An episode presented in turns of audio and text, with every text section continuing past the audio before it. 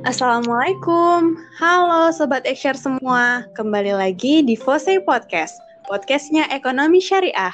Kali ini bersama aku, Yaya dari Bapenas Keilmuan, dengan narasumber kece, Presidium Nasional Fose. Halo Pres Eko. Halo Yaya. Apa kabar Pres Eko? Alhamdulillah, di tengah pandemi kayak gini masih diberi kesehatan. Yaya sendiri gimana? Alhamdulillah, baik Pres Eko. Nah, hari ini kita lagi memperingati kemerdekaan Indonesia nih, Pres. Nah, iya, pas banget nih di tanggal 17 Agustus di hari kemerdekaan Indonesia. Nah, kita rasanya mau bahas apa sih? Ya. Nah, pas banget nih, Pres. Buat kita untuk merefleksi perkembangan ekonomi syariah di Indonesia. Nah, gimana sih awal mula berkembangnya ekonomi syariah di Indonesia, Pres? Jadi gini sih, ya uh, kalau misalkan kita tahu ya di buku-buku kemudian di website-website tentunya awal mula perkembangan ekonomi syariah itu dimulai dari berdirinya perbankan syariah pertama kali di Indonesia. Jadi waktu itu Bank Muamalat berdiri dan beroperasi di Indonesia. Tapi yang di sini, di sini yang menurut saya cukup menarik adalah perkembangan ekonomi syariah di Indonesia itu tidak berkembang dari ekonominya, dari ekonomi syariahnya, dari teorinya. Tapi berkembangnya itu lewat kelembagaannya terlebih dahulu. Tidak melalui undang-undangnya, tidak melalui teorinya. Jadi makanya kenapa ekonomi syariah itu dimulai dari berdirinya perbankan syariah namun perlu kamu tahu nih ya, sebelum perbankan syariah, jauh sebelum itu sebenarnya udah ada kelembagaan yang sesuai prinsipnya dengan syariah. Itu namanya koperasi sih. Tentu kita nggak asing lah dengan koperasi. Koperasi pada saat itu berdiri kemudian prinsipnya itu sangat sesuai dengan prinsip orang Indonesia yang suka gotong royong dan juga sesuai nih sama prinsip-prinsip di ekonomi syariah yakni prinsip tolong menolong antar sesama. Nah, kalau di koperasi itu kan antar anggota ya. Jadi berdirinya koperasi itu disambut dengan sangat baik oleh masyarakat Indonesia terutama dari kalangan santri dan juga pondok pesantren. Nah, balik lagi nih kita ke Bank Muamalat ya. Jadi tahun 1991 bank muamalat itu didirikan. Tapi karena memang tidak ada tidak ada undang-undangnya, jadinya belum bisa beroperasi dan akhirnya di tahun 92 itu bank muamalat bisa beroperasi. Nah, barulah di, ta di tahun 98 diusulkanlah undang-undang, keluarlah undang-undang yang menyatakan bahwasanya bank konvensional itu juga bisa berusaha dengan menerapkan prinsip-prinsip syariah dan akhirnya posisi Bank Syariah itu lebih kuat lagi pada tahun 2008 nih. Jadi akhirnya dikeluarkanlah undang-undang khusus membahas terkait dengan perbankan syariah. Jadi gitu sih ya awal mula perkembangan ekonomi Islam di Indonesia itu memang dimulai dari berkembangnya perbankan syariah di Indonesia itu sendiri. Nah, tapi ada men, ad, cukup fakta yang menarik itu adalah di tahun 98 nih. Jadi ya tentu kalau kita belajar kan ya, Bank Muamalat itu salah satu bank yang bisa survive, yang bisa bertahan di masa krisis ekonomi. Nah, ini salah satu keunggulan yang bisa kita banggakan dari dibandingkan dengan bank konvensional. Kayak gitu ya, jadi awal mulanya. Nah, betul banget, Pres. Jadi di masa krisis moneter yang ramai di tahun 1998 itu, Bank Syariah ini termasuk bank yang bisa survive press di tengah goncangan krisis saat itu. Di mana mulai bulan Juli 1997 sampai dengan 13 Maret 1999, pemerintah menutup 55 bank dan 9 bank lainnya dibantu untuk rekapitalisasi. Nah, dari 240 bank sebelum krisis, hanya tinggal 73 bank swasta yang dapat bertahan tanpa bantuan pemerintah. Bank syariah ini termasuk bank yang bisa bertahan di masa krisis tersebut. Nah, karena bank syariah menerapkan prinsip bagi hasil dalam penyaluran pembiayaan ataupun penempatan dananya. Nah, hal ini menyebabkan potensi keuangan ataupun risiko ditanggung bersama oleh pihak bank dan nasabah. Sehingga ketika kondisi bisnis tidak menguntungkan gitu ya, seperti kondisi krisis tersebut, nah non-performing finance atau rasio kredit bermasalahnya itu kan naik. Nah, potensi pendapatan bank akan tergerus karena bank harus menyiapkan dana pencadangan untuk menutup kredit bermasalah tersebut. Nah, di kondisi tersebut, imbal hasil yang diberikan kepada nasabah yang menyimpan dana di bank syariah juga harus uh, terdampak menurun.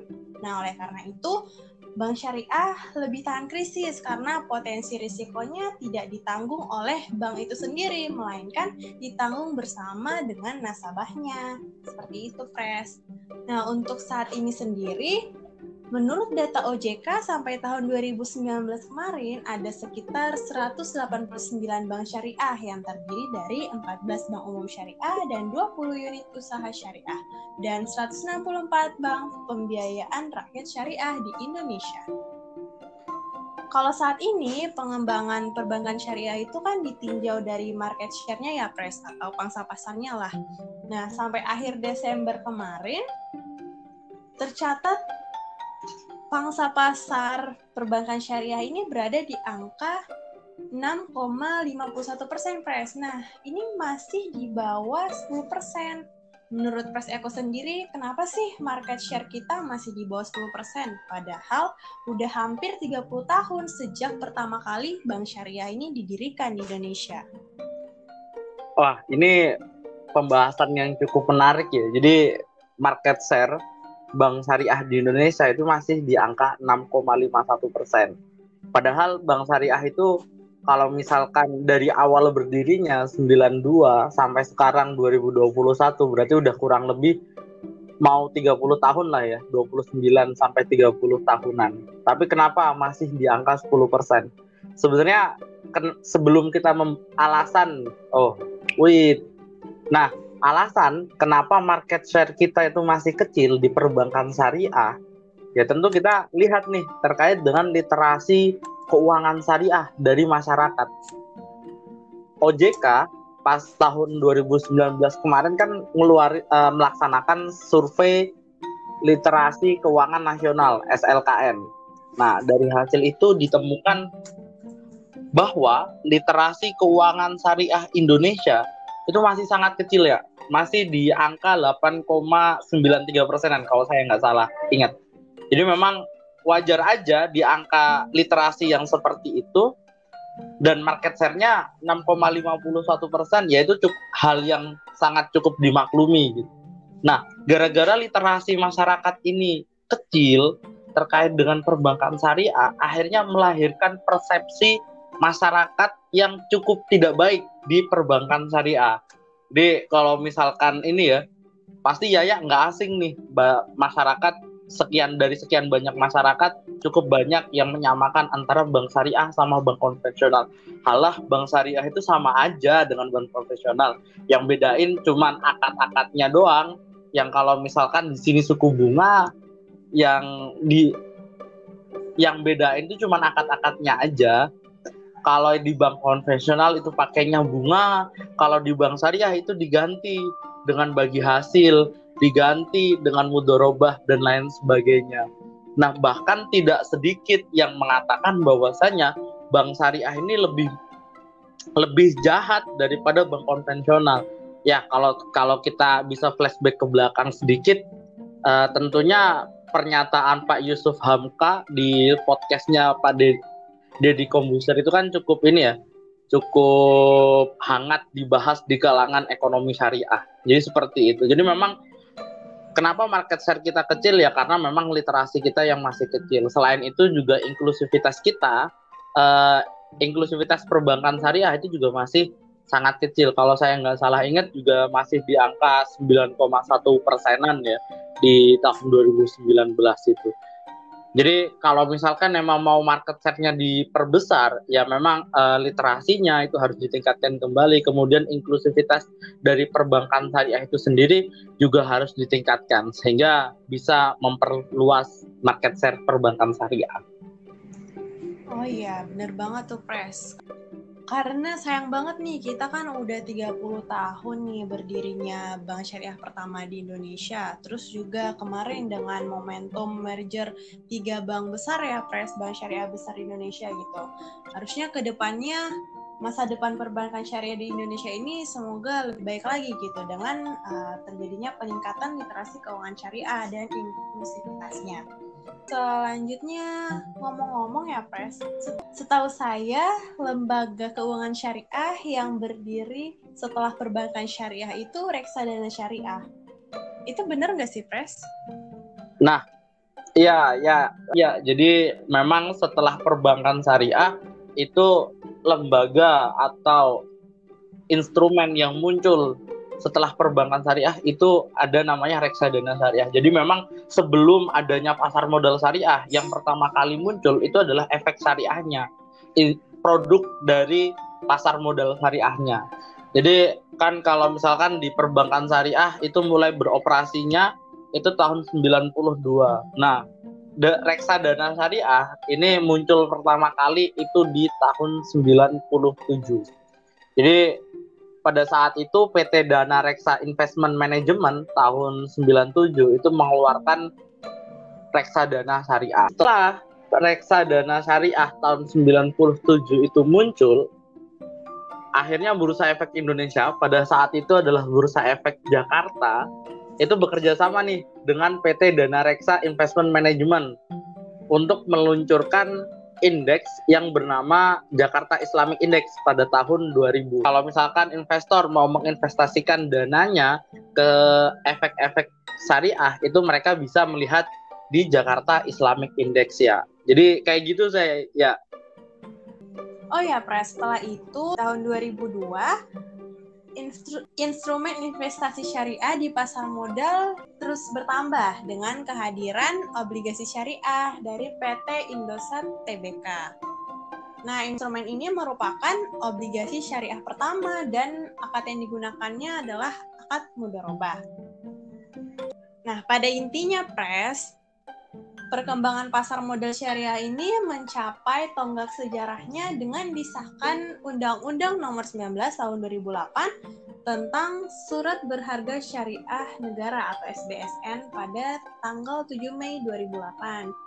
Nah, dari situlah menjadi landasan untuk penerbitan surat berharga syariah negara atau sukuk negara yang sampai saat ini digunakan sebagai instrumen pembiayaan pemerintah juga nih Pres. Orang-orang sekarang mulai variatif nih. Bahkan ada nih yang rame kemarin uh, menghadiahkan ulang tahun anaknya dengan saham. Terus padahal anak itu masih bayi Pres. Nah, terus juga ada banyak nih yang menjadikan saham ini sebagai mahar. Nah, terus juga ada tuh pres tentang zakat saham, wakaf saham gitu. Sebenarnya uh, itu termasuk bagian dari inovasi produk saham atau kayak gimana sih pres? terkait dengan yang Yaya sebutin itu tadi terkait ada saham yang dijadikan mahar, kemudian saham yang dijadikan kado hadiah untuk anaknya yang masih bayi. Kemudian ada isu terkait dengan wakaf saham, terkait dengan zakat saham. Nah, kalau misalkan untuk yang poin pertama sama poin kedua sebenarnya itu bukan inovasi dari produk ya. Jadi kenapa ini dua hal ini muncul karena memang dirasa pasar modal sekarang itu menjadi suatu hal yang sangat penting. Jadi daripada misalkan kado daripada kita ngasih hadiah yang seperti sepeda, kasih mainan, bayangnya kan paling 1 2 tahun atau maksimal 10 tahun barang itu udah tidak, bisa digunakan oleh anaknya. Tapi kalau misalkan dihadiahkan saham itu bisa bermanfaat nih sampai dia sampai dia nanti dewasa atau ya kalau misalkan itu dimanfaatkan terus bisa sampai hari tua nih seperti itu. Jadi uh, itu lebih ke ini sih pemanfaatannya pemberian kadonya itu supaya lebih bermanfaat saja tidak dari pekerjaan kita kayak gitu. Seperti itu ya terkait dengan isu-isu yang sering muncul pada saat ini. Wah menarik banget ya Pres sekarang perkembangannya gitu ya. Mungkin di sini ada nih pendengar yang jadi terinspirasi gitu untuk nantinya pengen maharnya saham gitu. Wah siapin aja ya teman-teman. Oke. Okay. Nah ngomong-ngomong tadi kita bahas tentang wakaf sama zakat juga nih ya Pres. Nah kemarin di tahun di awal tahun 2021 pemerintah juga kan meluncurkan gerakan nasional wakaf uang gitu ya. Iya, nah, di di bulan Januari kalau nggak salah ya itu. Iya, di bulan Januari itu Pres. Nah, sebelumnya bukannya udah pernah dicanangkan juga ya Pres di masa kepemimpinannya Presiden SBY tahun 2010 silam ya Pres? Iya, bener banget sih ya. Jadi memang gerakan nasional wakaf uang itu di, bukan suatu hal yang baru. Kan kalau kita taunya itu gerakan nasional wakaf uang itu baru di launching kemarin di bulan Januari lebih tepatnya 25 Januari 2021 di launching secara langsung oleh Bapak Presiden tercinta kita Presiden Joko Widodo. Nah, tapi sebenarnya gerakan itu udah pernah ada yang tidak hanya dicanangkan saja, tapi memang di tahun 2010 masa kepemimpinan Presiden Susilo Bambang Yudhoyono itu memang sudah ada gerakannya, tapi memang mungkin karena belum ada media seperti sekarang ya, jadi ke gerakan tersebut kurang dimasifkan dan memang mungkin tertimbun berita yang lainnya dan lain sebagainya. Kayak gitu. Wah, jadi ternyata gerakan nasional Papua ini udah lama ya, Pres. Cuma emang sekarang ini pengennya dimasifkan lagi gitu. Iya benar sekali. Apalagi kan pemasifannya sekarang kan udah didukung tuh dengan berbagai macam media sosial yang ada seperti Facebook, Instagram, Twitter dan lain sebagainya. Beralih dari keuangan nih Pres, kita masuk ke yang lagi happening sekarang juga tentang industri halal nih Pres. Industri halal saat ini tidak hanya diminati oleh masyarakat muslim, tapi juga masyarakat secara umum bisa dilihat dari tren industri halal di berbagai negara yang juga semakin meningkat gitu. Yang bahkan penduduknya bukan mayoritas muslim Pres di Indonesia sendiri, pemerintah membentuk Badan Penyelenggara Jaminan Produk Halal atau BPJPH untuk melaksanakan proses jaminan produk halal. Nah, berkaitan dengan hal itu, Presiden Joko Widodo juga pada tahun 2019 kemarin meluncurkan Master Plan Ekonomi Syariah. Tahun ini di 2021 ekonomi syariah di Indonesia semakin berkembang pesat nih Pres. Hal ini bisa dilihat dari posisi Indonesia Global Islamic Economy Report yang menduduki urutan keempat. Nah, ini merupakan skor rata-rata dari keenam sektor yang dinilai di industri halal. Namun sayangnya potensi Indonesia sebagai penduduk muslim terbanyak di dunia ini ya Pres saat ini masih menjadi konsumen produk halal terbesar di dunia yakni mencapai 173 miliar US dollar atau 12,6 persen dari pangsa pasar produk makanan halal dunia Nah, hal ini menunjukkan kalau Indonesia ini masih mengimpor produk makanan halal untuk memenuhi kebutuhannya gitu. Padahal kalau kita perhatikan ya pres di Indonesia sendiri kan banyak ya bisa ditemui tempat-tempat makanan halal yang tersedia gitu. Nah, menurut Pres Eko, kenapa sih kok Indonesia dengan potensi muslimnya yang besar tersebut tidak muncul sebagai pemain utama produsen halal di dunia gitu, tapi masih betah menjadi konsumen saja nih Pres. Jadi kenapa sih kita tuh masih belum bisa menjadi pemeran utama di dalam industri halal ini? padahal kan kita ini ya masyarakat kita tuh mayoritas muslim seperti itu. Nah, jadi kalau misalkan kita lihat sebenarnya awareness masyarakat awareness terkait dengan industri halal itu sendiri. Menurut saya awareness kita itu masih terbilang lambat sekali dibandingkan dengan negara-negara yang lainnya seperti itu. Jadi kalau dari pemerintah sendiri, pemerintah baru mengeluarkan undang-undang terkait dengan jaminan produk halal itu masih baru di tahun 2014 kemarin. Berarti kan kalau sampai sekarang baru ini ya, ya ya, baru sekitar tujuh tahunan. Nah ini sangat sangat lambat sekali dibandingkan negara tetangga kita Malaysia. Kalau saya tidak salah ing kalau saya tidak salah ingat itu di Malaysia undang-undang terkait dengan hal itu udah udah di, udah sudah diluncurkan di sekitaran tahun 70 atau 80-an seperti itu. Nah, selain itu tentu kita tahu kita singgung nih di awal pembicaraan kita bahwasanya perkembangan ekonomi Islam itu bukan dari teorinya terlebih dahulu, bukan berasal dari undang-undangnya terlebih dahulu, tetapi di tetapi munculnya itu dikarenakan kelembagaannya. Jadi munculnya ekonomi Islam ditandai dengan munculnya kelembagaan. Nah, ini menunjukkan bahwasanya perkembangan ekonomi syariah itu sistemnya bottom up. Nah, ini berlaku juga nih di industri halal.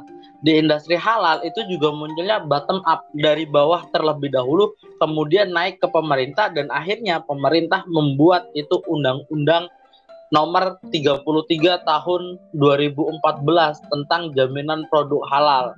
Yang di mana uh, di salah satu pasalnya itu berbunyi semua produk yang tersebar di Indonesia itu harus memiliki sertifikat halal seperti itu.